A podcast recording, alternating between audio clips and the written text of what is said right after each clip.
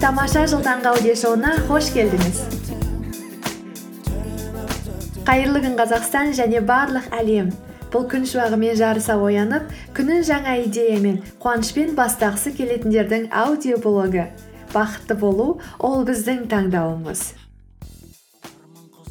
Қайырлы күн қымбатты менің подкастымның тыңдармандары. Менімен бірге соңғы айлар бойы болып подкастымды тұрақты түрде тыңдап жүргеніңізге үлкен рахмет. Сіздердің сенімдеріңізге назарларыңызға бөлген уақыттарыңызға сондай шексіз қуаныштымын. Және де осылай мені тұрақты түрде қолдап жүргендеріңіз болашақ подкасттарым үшін үлкен мотивация және жаңа жазылатын ойларым үшін ертерек беріліп қойған несие деп ойлаймын. Енді бүгін біз қандай тақырыпты талқылаймыз деген сұраққа келсек бұл өте бір қызықты тақырып деп ойлаймын. Себебі подкастымыздың атымен тұспа тұс келеді.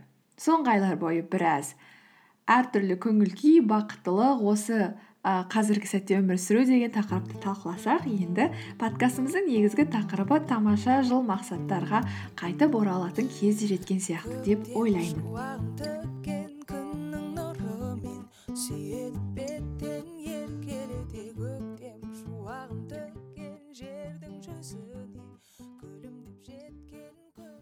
Жылдың басында осы жылды тамаша жыл деп өткізіп биылғы жылға ең керемет ең тамаша мақсаттар қойғанымыз есіңізде ме?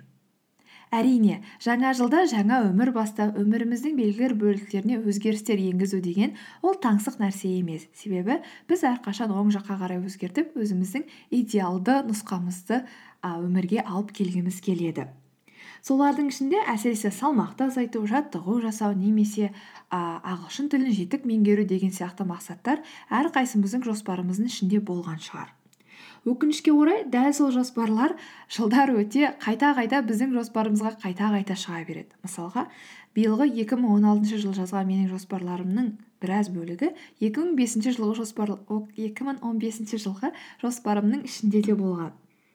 Иә шыдамдылық құласаң да қайтадан сол мақсатты қайтадан өзіңнің мақсаттарыңның жоғарғы бөлігіне алып келіп қою қуанарлық шыдамдылығыңызды мақтанатын тіпті қол шапалақтайтын жағдай. Алайда неліктен біз қайта қайта бір мақсаттарды қайта қайта өзіміздің алдымызға қоя береміз. Неге біз жеңіле береміз? Оның себебі неде? Неге біз бір жоспарды қойып қоямыз да соңына дейін жеткізбей кетеміз? Бұл подкаст тамаша жылда тамаша жоспарлар қойып алайда жоспарларының бір бөлігін ұмытып кеткен немесе істеуге ерініп жүрген адамдарға арналады дәл мен сияқты. Егер де сіз супер тиімді адам болсаңыз бұл подкаст сізге арналмаған әзірше өшіре тұрыңыз.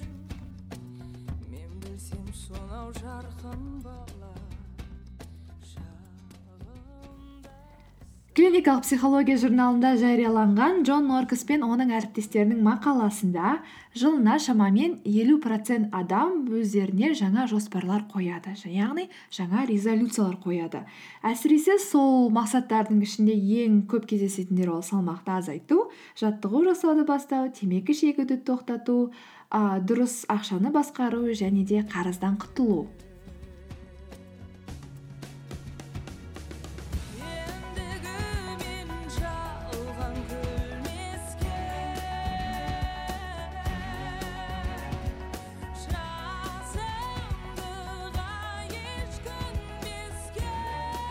Канададағы керлтон университетінің психология профессоры тимоти печелдің айтуына қараған кезде жаңа жылда жаңа мақсаттар қою ол мәдени прокрастинацияның бір түрі болып табылады. Яғни өзіңді қайта жасауға ұмтылудың бір түрі. Адамдар өздеріне мотивация беру үшін ынталандыру үшін жаңа мақсаттар жаңа резолюциялар қояды. Алайда питчелдің айтуы бойынша адамдар сол өздерінің әдеттерін әсіресе жаман әдеттерін өзгертуге дайын болмауы мүмкін. Сол дайын емес болу нәтижесінде оларда жеңілудің үлкен көп ықтималдығы болады деп. Мәселен сіз жаңа жылда енді мен тәтті жемеймін деп айтасыз да жаңа резолюция қоясыз. Сөйтіп жүз пайыз болды тәтті жемеймін деп барлығын алып тастайсыз. Алайда сіз оғанға дейін күніне кем деген кезде үш төрт шоколад бес алты печенье тағы да бір торт жеп үлгерген болсаңыз онда сіз дәл сол айтқанға дейінгі бір күннен кейін міндетті түрде өзгеріп кетпейсіз. Яғни сіз оған дайын емессіз. Мүмкін бір ай шыдарсыз екі ай шыдарсыз бірақ сол сіздің бұрынғы ойыңыз қайтадан қалпына келуі мүмкін. Сондықтан егер дайын болмаса үлкен мақсаттар да қою мүмкін болмайды.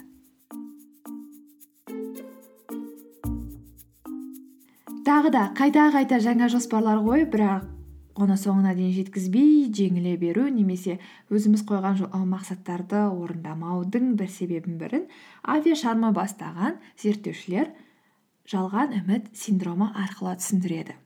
Яғни біздің ойымызша өз өзімізді өзгерту сондай оңай процесс сондықтан біз өзіміздің алдымызға мүмкін емес болатын үлкен биік мақсаттар қоямыз.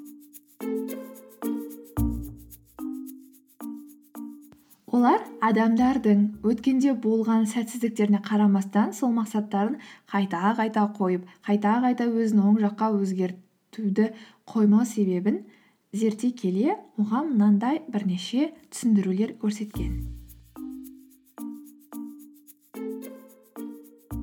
Біріншіден біздің күтіліміміз өте жоғары. Біз өте жоғары нәтиже күтеміз. Екіншіден біз нәтижеге тез қол жеткізуге болады деп ойлаймыз. Үшіншіден нәтижелерге қол жеткізу процесі оңай деп ойлаймыз.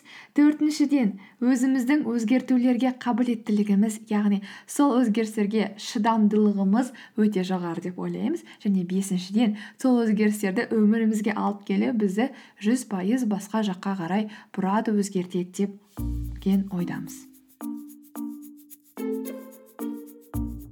Егер де жаңа жылдың басында қойған мақсаттарыңыздың кейбір бөліктерін орындамасаңыз немесе орындауды ұмытып жүрген болсаңыз онда өзіңізге неге деген сұрақты қойып, көріңіз. Дәл осы тұстан бастап мақсатымызды соған лайықтап өзгертейік. Себебі жалған үміттер бізді бірнеше күн мақсатымызға лайықтап жұмыс істеткізсе де біраз уақыттан кейін олар бізді адастырады. Ал шынайы үміт яғни шынайы өмірге лайықтылған өзіміздің мүмкіндігімізді ескере отырып жасалған мақсаттар ол көбірек уақыт өмір сүреді. Дәл осы тұста фейсбуктың негізін салушы марк цукербергтің жыл сайын қоятын жоспарларын есімізге алайық. Ол 2016 жылы 365 миль жүгіретіндігі туралы жазған болатын. 365 миль дегеніміз ол километр мен 585 километр. Яғни былай қарап қарасақ өте үлкен қашықтық тіпті он шақты марафонның қашықтығымен бірдей. Бір көргеннен кейін оны көпшілігіміз ойлауымыз мүмкін. Бұл 585 километрді қалай жүгіріп шығасың? Оған қандай үлкен шыдамдылық керек деп. Алайда ары қарай марктың жазбасын оқысақ ол жазады. Мен күніне бір миль жүгіремін яғни ол бір жарым километрдей бір миль жүгіремін нәтижесінде үш жүз алпыс бес күнде үш жүз алпыс бес миль жүгіремін деп. Сөйтіп күніне бір жарым километр жүгірудің өзінде ол бір жылда бес жүз сексен километрдей жүгіреді. Сондықтан бұл жерде біз марктың өзінің үлкен амбициозный мақсатын кішкентай кішкентай бөліктерге бөлу арқылы олардың орындалу ықтималдылығын арттырып жатқандығын байқаймыз. Себебі бір күнде бір жылда 580 жүгіремін деген орнына күніне бір жарым километр жүгіремін деген сондай оңай естіледі және оны орындау оңайырақ.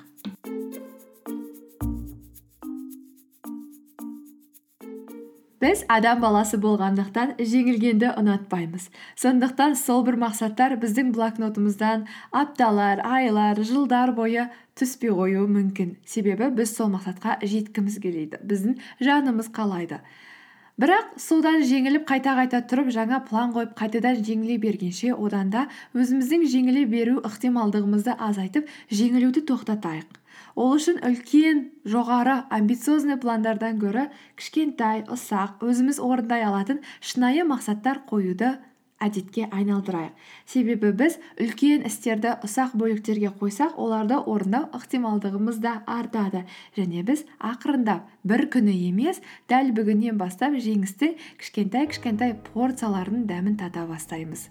Сонымен ә, жеңісті күндеріңіз көп болсын барлық бастаған істеріңіз алға қарай баса берсін. Келесі подкастта кездескенше.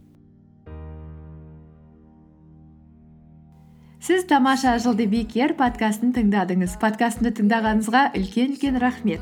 Егер де сіз әлі вконтактеден тыңдап жатсаңыз онда міндетті түрде апп стор немесе плей маркеттен подкаст қосымшасын көшіріп ішінен тамаша жылды іздеп тауып оған жазылу батырмасын басып күнделікті мені подкасттарымды уақытылы тыңдай аласыз. Сонымен қатар әлеуметтік желі вконтакте фейсбук инстаграм желілерінің барлығында бармыз. Менімен бірге байланыста болып подкасттарым туралы ойыңызды білдірсеңіз өте қуанар едім. Биылғы жылға қандай мақсаттар қойдыңыз және сол мақсаттарды орындалу жоспарларыңыз қалай болып жатыр? Мен үшін бәрі қызықты және мен үшін бәрі таңсық. Бірге дамиық.